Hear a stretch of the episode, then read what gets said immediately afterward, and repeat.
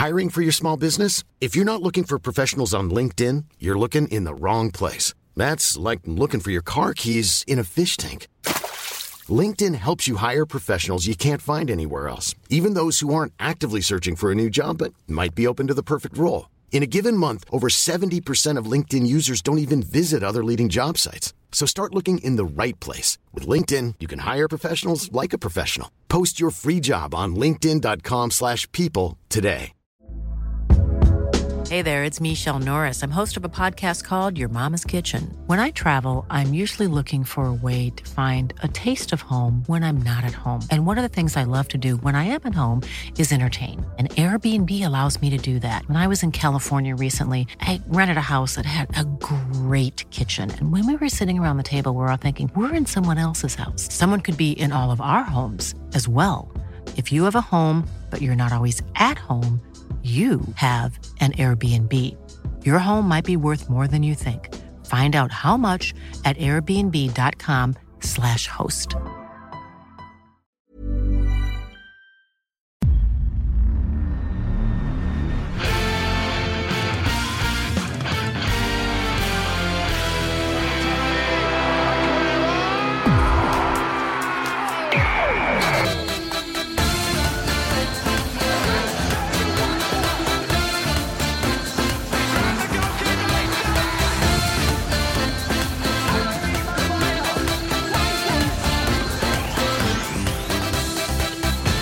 Välkomna ska ni vara till eh, uh, Spelsurret här med mig Thomas Wilbacher och uh, Daniel Olenklint. Det är fredag den 6 oktober. Vi kommer återigen från en intensiv uh, fotbollsvecka med Europaspel, Champions League, Conference League och Europa League givetvis Daniel saker som eh, vi tar i beaktning eh, och eh, som är viktigt här nu inför helgen. Och Jag tänker också på ytterligare en sak där att vi har varit igång nu ett tag. Det kommer ett landslagsuppehåll till nästa vecka. Det här är liksom slutet på en väldigt intensiv period och kanske också eh, lite Nej, men det blir lite extra trötthet i, i vissa lag som inte har roterat så mycket och så vidare. Ja, men så är det ju. Och vi har ju dessutom vissa lag som inte behövde gå all in i Europa utan spelade med en hel del reserver. Så att det finns eh, mycket information att sortera ut för att kunna analysera vilka lag som kommer att eh, prestera på max då i helgens eh, matcher. Och som alltid eh, så kommer vi ge er eh, våra bästa speltankar, lite eh, andra tankar kring eh, lag som vi kanske inte spelar på men som man ska vara med på live. Och sen så avslutar vi alltihopa med Big Nine som ni hittar borta på ATG. Och kikar ni in på atg.se toto så hittar ni Mitt-Olens eh, andelsspel men också Marcus Tapper som försöker sig på någonting via Toto-svenskan. Där finns också lite tripplar så att det det är en bra URL helt enkelt att eh, gå till om man vill eh, planera sina spel i helgen. 18 bast som gäller, stödlinjen.se om man har problem med spel. Jag tänker så här att vi börjar i Premier League eh, för att jag tycker att det är kul. Och eh, ett lag som vi har pratat faktiskt en hel del om, som fotbollsvärlden och stora poddarna, eh, snacket generellt sett sådär, kanske inte tar upp så mycket. Eh, det är ju Fulham. Uh, och ja, men liksom varit återkommande lite snackis i, uh, i våran podcast här Daniel.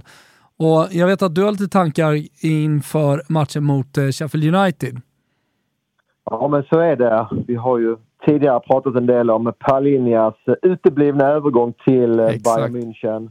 Jag tycker att Fulham har gjort några rätt fina matcher här på slutet. Jag tycker inte det är mycket att säga om att de föll mot Chelsea här med 0-2 i måndags när Chelsea tar vara på sina chanser som man gjorde där så, så är man lite bättre än Fulham och det är liksom ingenting som gör att jag nedgraderar Fulham som lag inför den här matchen. Och framförallt är ju mitt case här att Sheffield United är ju, om vi nu tvekade, klart sämst i ligan. Um, jag var inne på att Sheffield och Luton var ungefär lika svaga men uh, alla tecknen i skyn mm. tyder på att Sheffield är uh, klart svagare än Luton. Matchen mot uh, Newcastle där man släppte åtta mål. Ja, det var helt horribelt. Och mm.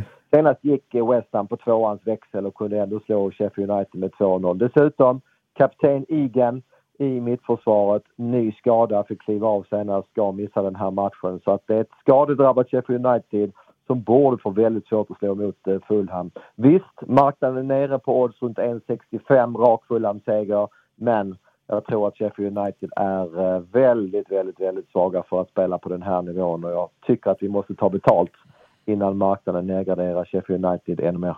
Ja, och jag håller, jag håller helt med kring eh, Fulham där. Alltså det, det, det är dels det du säger om Sheffield och eh, det vi har sett och, och deras förluster, men också att ja, men jag tycker Full, Fulham känns som en väldigt, väldigt stark favorit i den här matchen. Ja, ska man vara kritisk mot sig, sitt eget spel så, så är det väl en svaga punkt, det är väl Jiménez på topp. Mm. Det går ju långt mellan gångerna med målen där. Det är klart att Mitrovic saknas, men du har ju spelare som Pereira, du har William, du har tidigare nämnde Palinja där bakom. Mm. Det, det, finns mycket kvalitet i det här laget.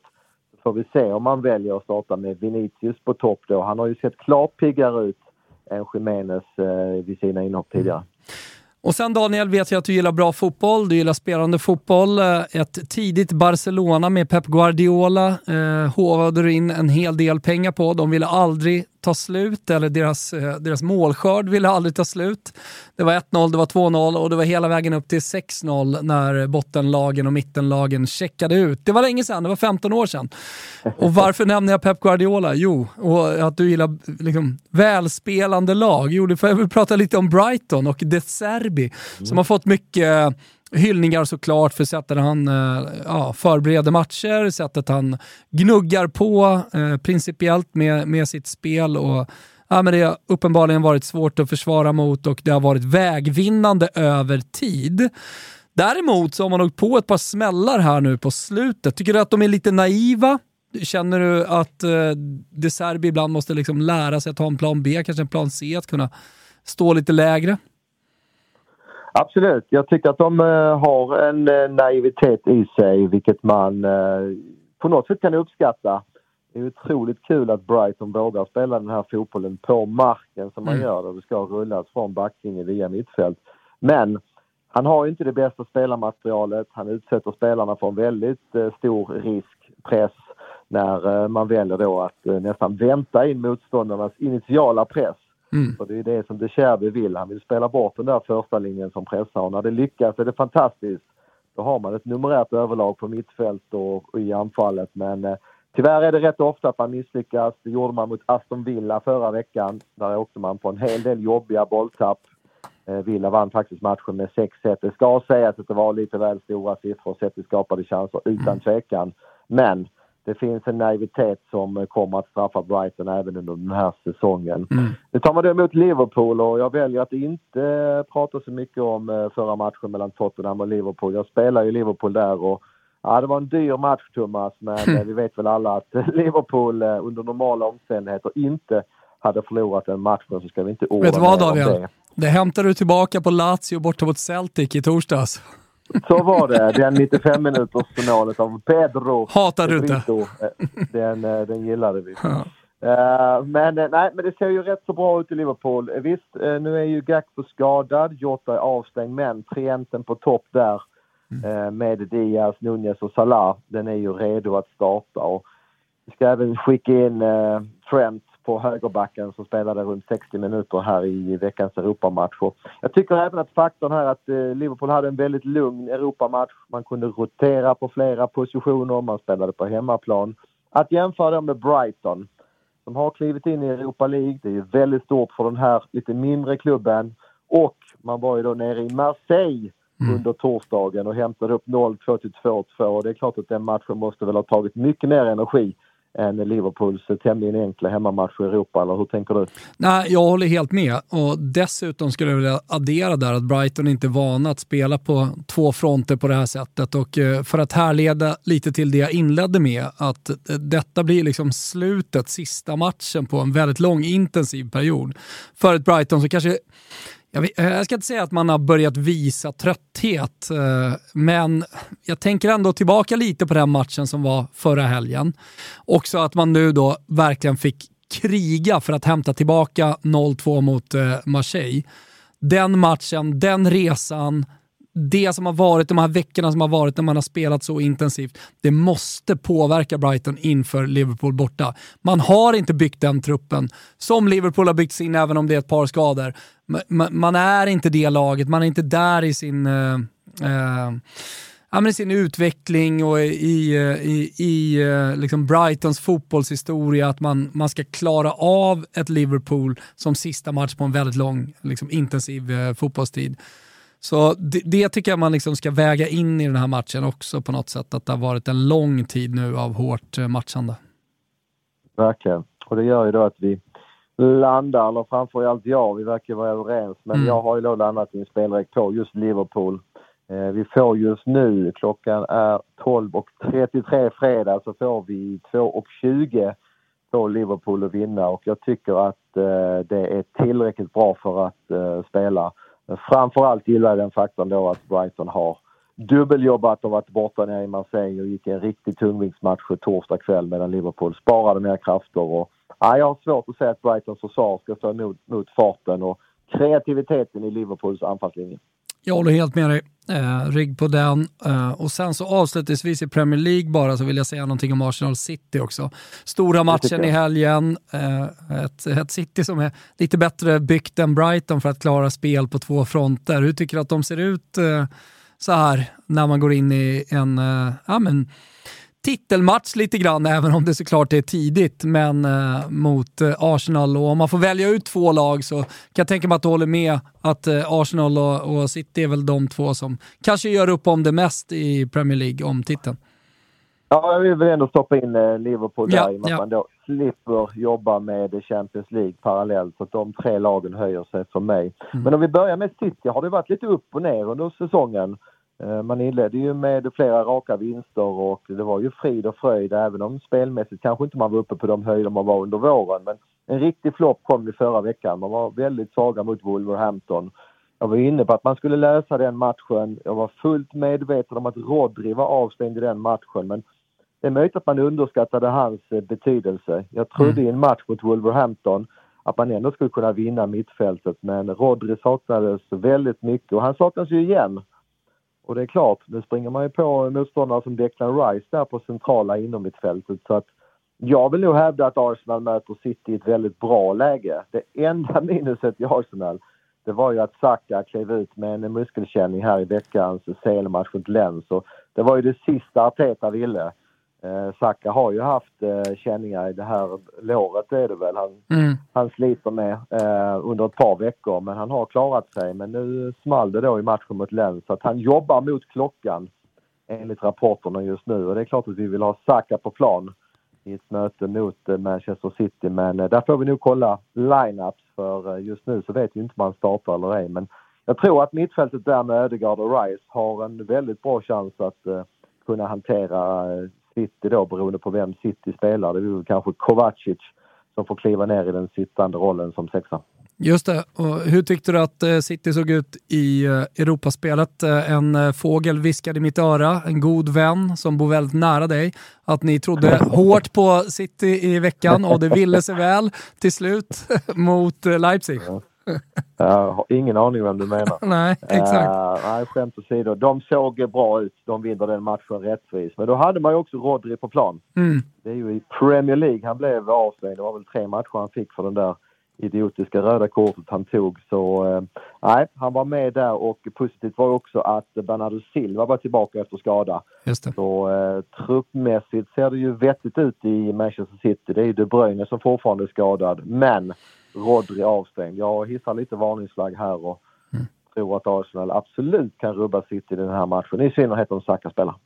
Mm, vi går vidare till Italien och där är det en del som sticker ut. Inte nödvändigtvis så mycket så att eh, jag har spelat eller kommer med en spelrek, men det är saker att ta med sig in i helgen, framförallt till lineups. Och vi kan ju börja med eh, Derby della Mole, det vill säga Turin-derbyt. Eh, det är alltså Juventus mot Torino.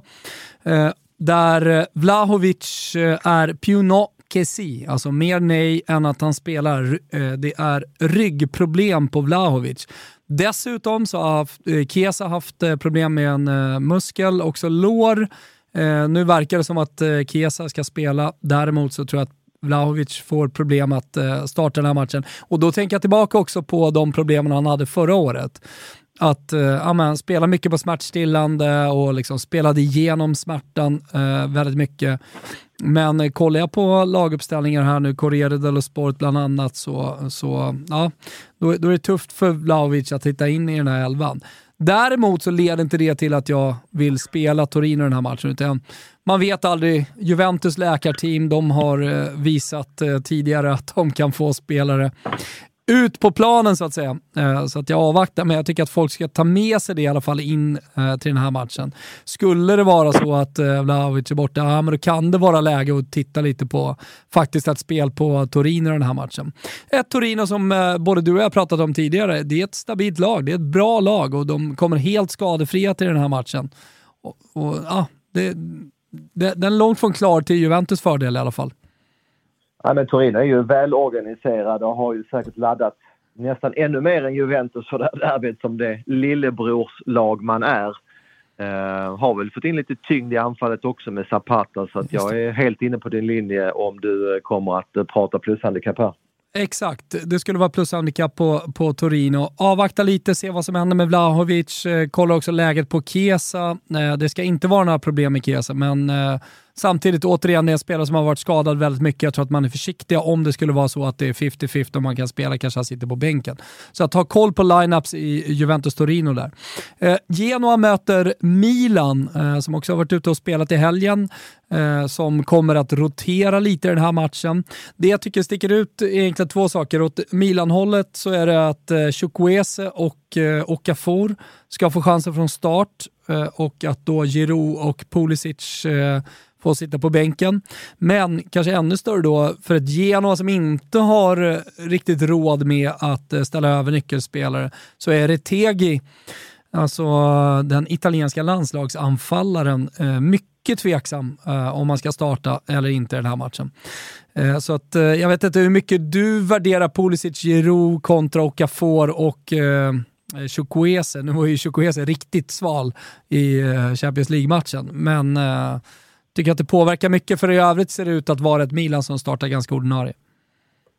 Ja, mycket kanske ta i, men det påverkar ju en del absolut. Mm. Jag gillar ju eh, den här trion som jag har sagt tidigare med uh, Leo på ena kanten, Pulisic på andra. Då får du ju fart på båda kanterna. Mm. Och så Ro då centralt uh, i banan. Så att, ja, uh, det känns som ett minus. Han är ju ganska glad för att rotera den gode Pioli. Jag såg samma sak där borta mot Cagliari här för några veckor sedan och då löste man det till seger men eh, ja, han eh, verkar inte vilja slita ut sin trupp här redan i oktober månad. Nej, ta med också att uh, Dybala är tillbaka. Han vilades ju helt i Europamatchen och det är alltså ett Roma som möter Cagliari. Däremot så är Lorenzo Pellegrini out igen, så att, uh, lite, lite problem fortfarande. Ni vill ha speltips uh, och då, då, då kommer det här Daniel, nu får du fan hålla i dig. Vi ska ner till Frosinone. och eh, det är ett Frosinone som möter Hellas Verona. Och eh, då har jag hittat på informationen när jag satt här i morse, vet, man får nästan lite puls när man läser emergenza. Det är alltså emergency, det är alla varningsklockor som kan ringa på Hellas Veronas försvar. De, eh, de, har så många spelare borta att de får ta ner mittfältare i mittförsvaret. Och Oj. bland annat en av de som är borta är Isak Hien. Så att eh, det, det, det, är stora problem samtidigt som man ska åka till södern mot ett Frosinone som älskar att möta de här nordlagen när de kommer och som kommer bara mata på med Solé, mm. Kedira, Baez eh, längst fram, en underskattad liten trio. Eh, och det, liksom med det skadeläget och jag hittar Drono Bet Frosinone till 1,70, ah, men då, då, då går jag bara rakt av på matem matematiken Daniel och, och känner att nej, mm. det, det här är alldeles för högt. Dronebet Frosinone, pengarna tillbaka vid oavgjort, Emergenza, Hellas Verona. Den tar vi. Ja, mycket intressant. Jag kan väl fylla i då med lite siffror och data här att faktum är att Roma hade ju bara runt 0,5 i XG senast. Mm. Roma vann matchen med 2-0 men var absolut inte överlägsna där. Och Innan det gjorde man till exempel här, det är väl en månad sedan nu, knappt tre veckor sedan, då slog man ju Sassuolo på hemmaplan här. Mm. Vann med 4-2, vände underläge, hade en XG på 3 gentemot Sassuolos dryga 1. Så att eh, nej, Frosinone är nog inte så tokiga och med tanke på vad du säger om skadeläget i eh, motståndarlaget så förstår jag absolut hur du tänker. Ja, eh, det var allt från Italien. Vi kommer kanske tillbaka lite när vi ska avsluta med Big Night, men jag vill göra lilla stoppet i allsvenskan också. Eh, på tal om ja. drawn och bet, på tal om Europa, på tal om att liksom gå in i någon slags final på en väldigt intensiv period, så är det så att Hammarby möter Häcken. Och jag säger det bara rakt ut, Bayern drawn och bet till 1,92 här. Måste inte det vara intressant? Jo, vad vill de? Det är klart Bayern ska vara större favoriter. Vi har ju sett gång på gång på gång hur svenska lag sliter när de är ute i Europa och nu är det liksom ingen lugn Europamatch heller utan det var ju full körning mot Karabach här under torsdagskvällen och mycket snack efter om domslut. Det tar också energi från spelarna och ska man ju bege sig till Stockholm här nu bara två, tre dagar senare och Hammarby har ju sett bra ut efter att man ändrade lite spelsystem i somras. Så att nej, det här är ju minst 10 punkter för högt hävdar jag.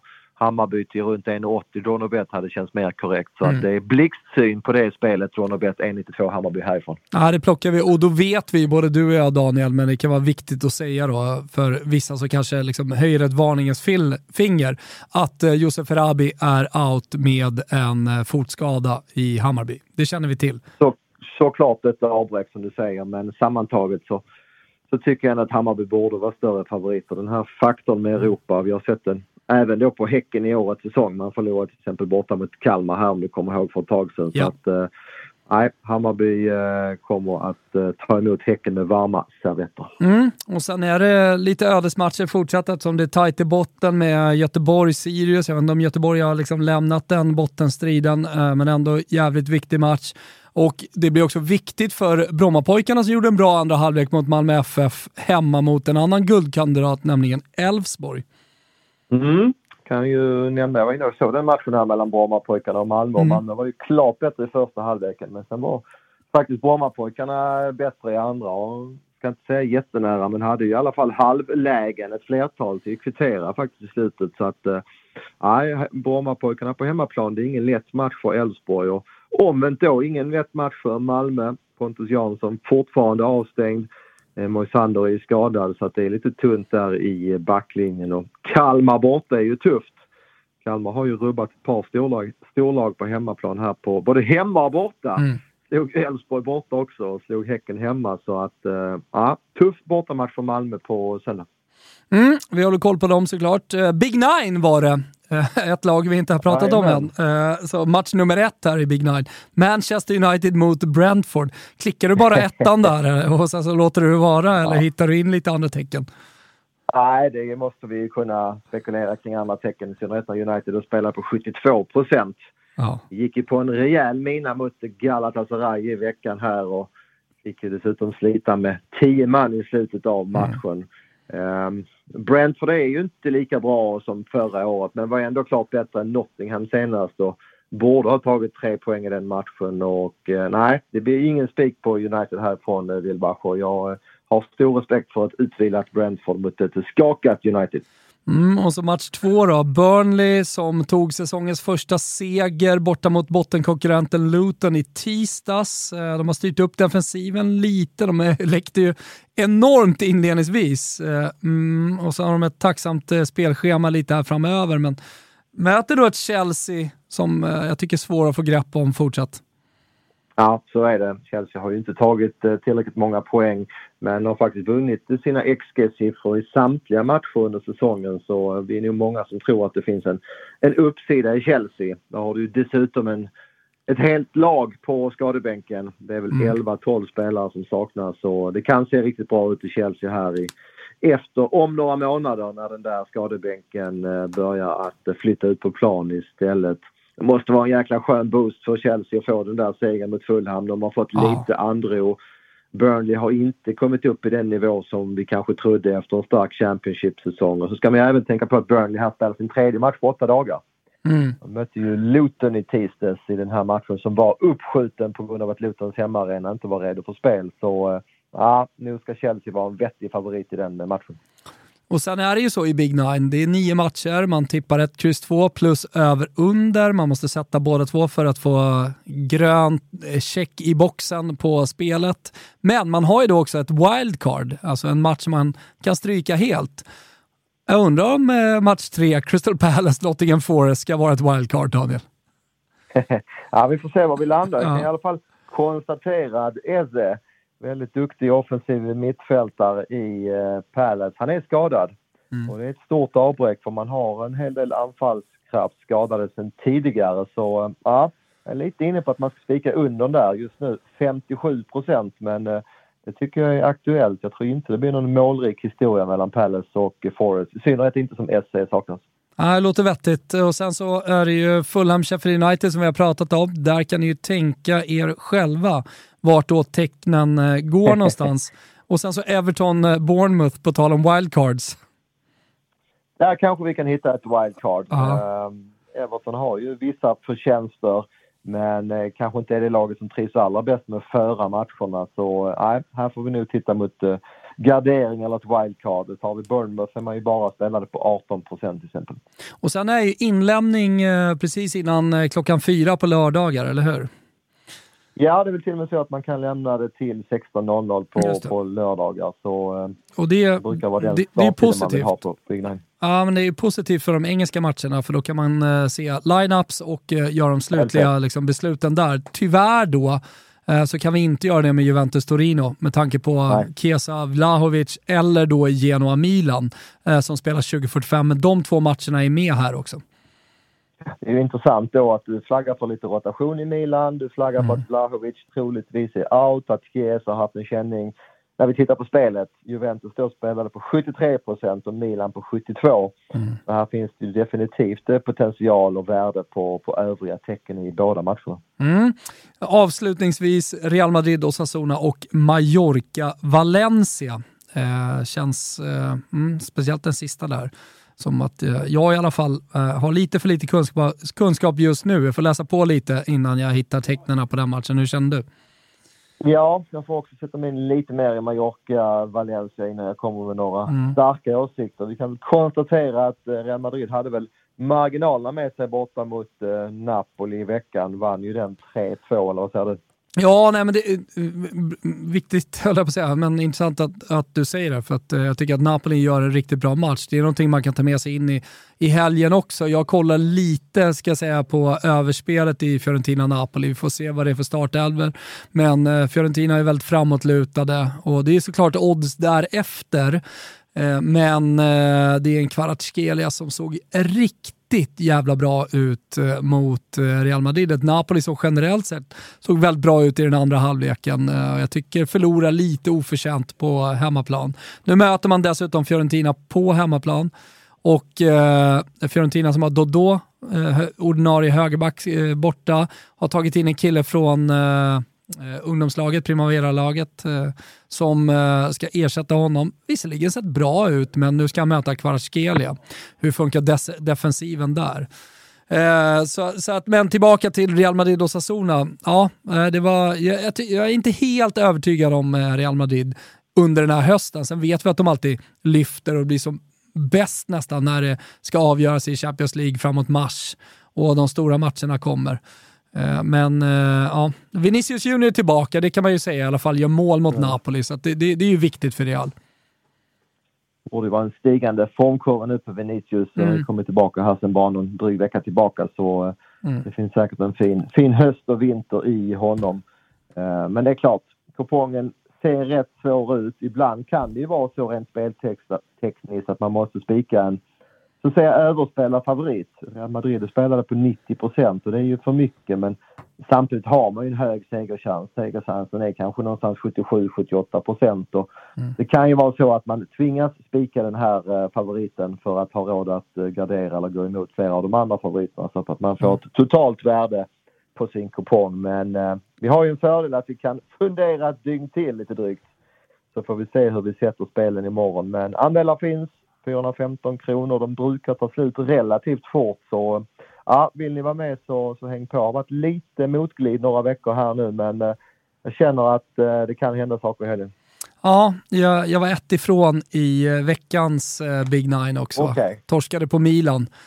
Eh, jag, hade, jag hade inte under jag trodde att det skulle bli mål i Dortmund, så jag hade spikat uh, öven. Det var ju dumt eftersom Milan har ett uh, riktigt bra försvar och släpper in väldigt lite mål. Så det var ju surt. Den gav ju, Den gav väl rätt så okej. Okay, ja, men 17 000. 18 000 ja, 18 kanske var. Ja, exakt. Så det, det, var lite surt. Eh, men eh, som du säger, eh, vi, vi är på det och vi försöker fortsätta här att fälla favoriter och ha med tecken utifrån våra analyser. Ni får tänka på att det är 18 år som gäller om man ska spela på ATG och eh, Sen är det stödlinjen.se som gäller och det kan man tipsa vänner som har problem med spel. Jag kommer sätta upp en trippel utifrån det här snacket. Den hittar man också på atg.se tutto så om man vill eh, rygga den så tycker jag man ska göra det. Annars var det allt Daniel. Det var allt. Vill man följa vad jag tänker och skriver så finns det lite mer information på överodds.se så att eh, det är bara till att surfa in om man eh, vill läsa lite mer. Och det är ju en levande sajt så att där kan det ju komma tankar och spel eh, lite titt som tätt så att det är en eh, sajt man kan bokmärka tänker jag. Ja men så är det. Vi eh, lägger spel både lite tidigare i veckan, matchdag och även när lineups kommer så det kommer något oregelbundet men det kommer när vi tycker att det är värde i matcherna och eh, som du säger, ett bokmärke är väl aldrig fel. Exakt, och det är så spelbranschen funkar. Helt plötsligt kan det dyka upp en emergenza Hellas Verona och då vill man bara liksom trycka innan, innan folk har fattat vad det är som händer. Nästa vecka blir det lite speciellt Daniel. Då kommer vi köra spelpodden eh, dels då nerifrån eh, Skåne men också från Mallis eftersom jag befinner mig där på Flickup. Eh, och jag tänker att i och med att det är kriteriehelg nästa helg och att vi faktiskt har en häst i Svensk Travåksfinalen Eh, att det kanske blir lite travsnack också. Det hoppas jag att det blir. Adriatica mm. lyckades ju då kvala in trots att hon inte har haft en perfekt sommar och har ju bara gjort tre starter i sin karriär och hade dessutom ett åttonde spår så vi låg ju ganska lågt på förhand inför försöket men hon eh, gjorde ett bra lopp, inkom som tvåa och eh, ja, det blir spännande att se här om en dryg vecka. Mycket spännande. Då säger vi så. Appuntamento. Vi har möte om en vecka exakt igen då från Mallorca och eh, från Skåne så blir det dels som alltid lite uppsnack inför helgen men också en hel del trav inför kriteriehelgen. Härligt! Det blir, det blir underbart. Vi hörs då. Ciao!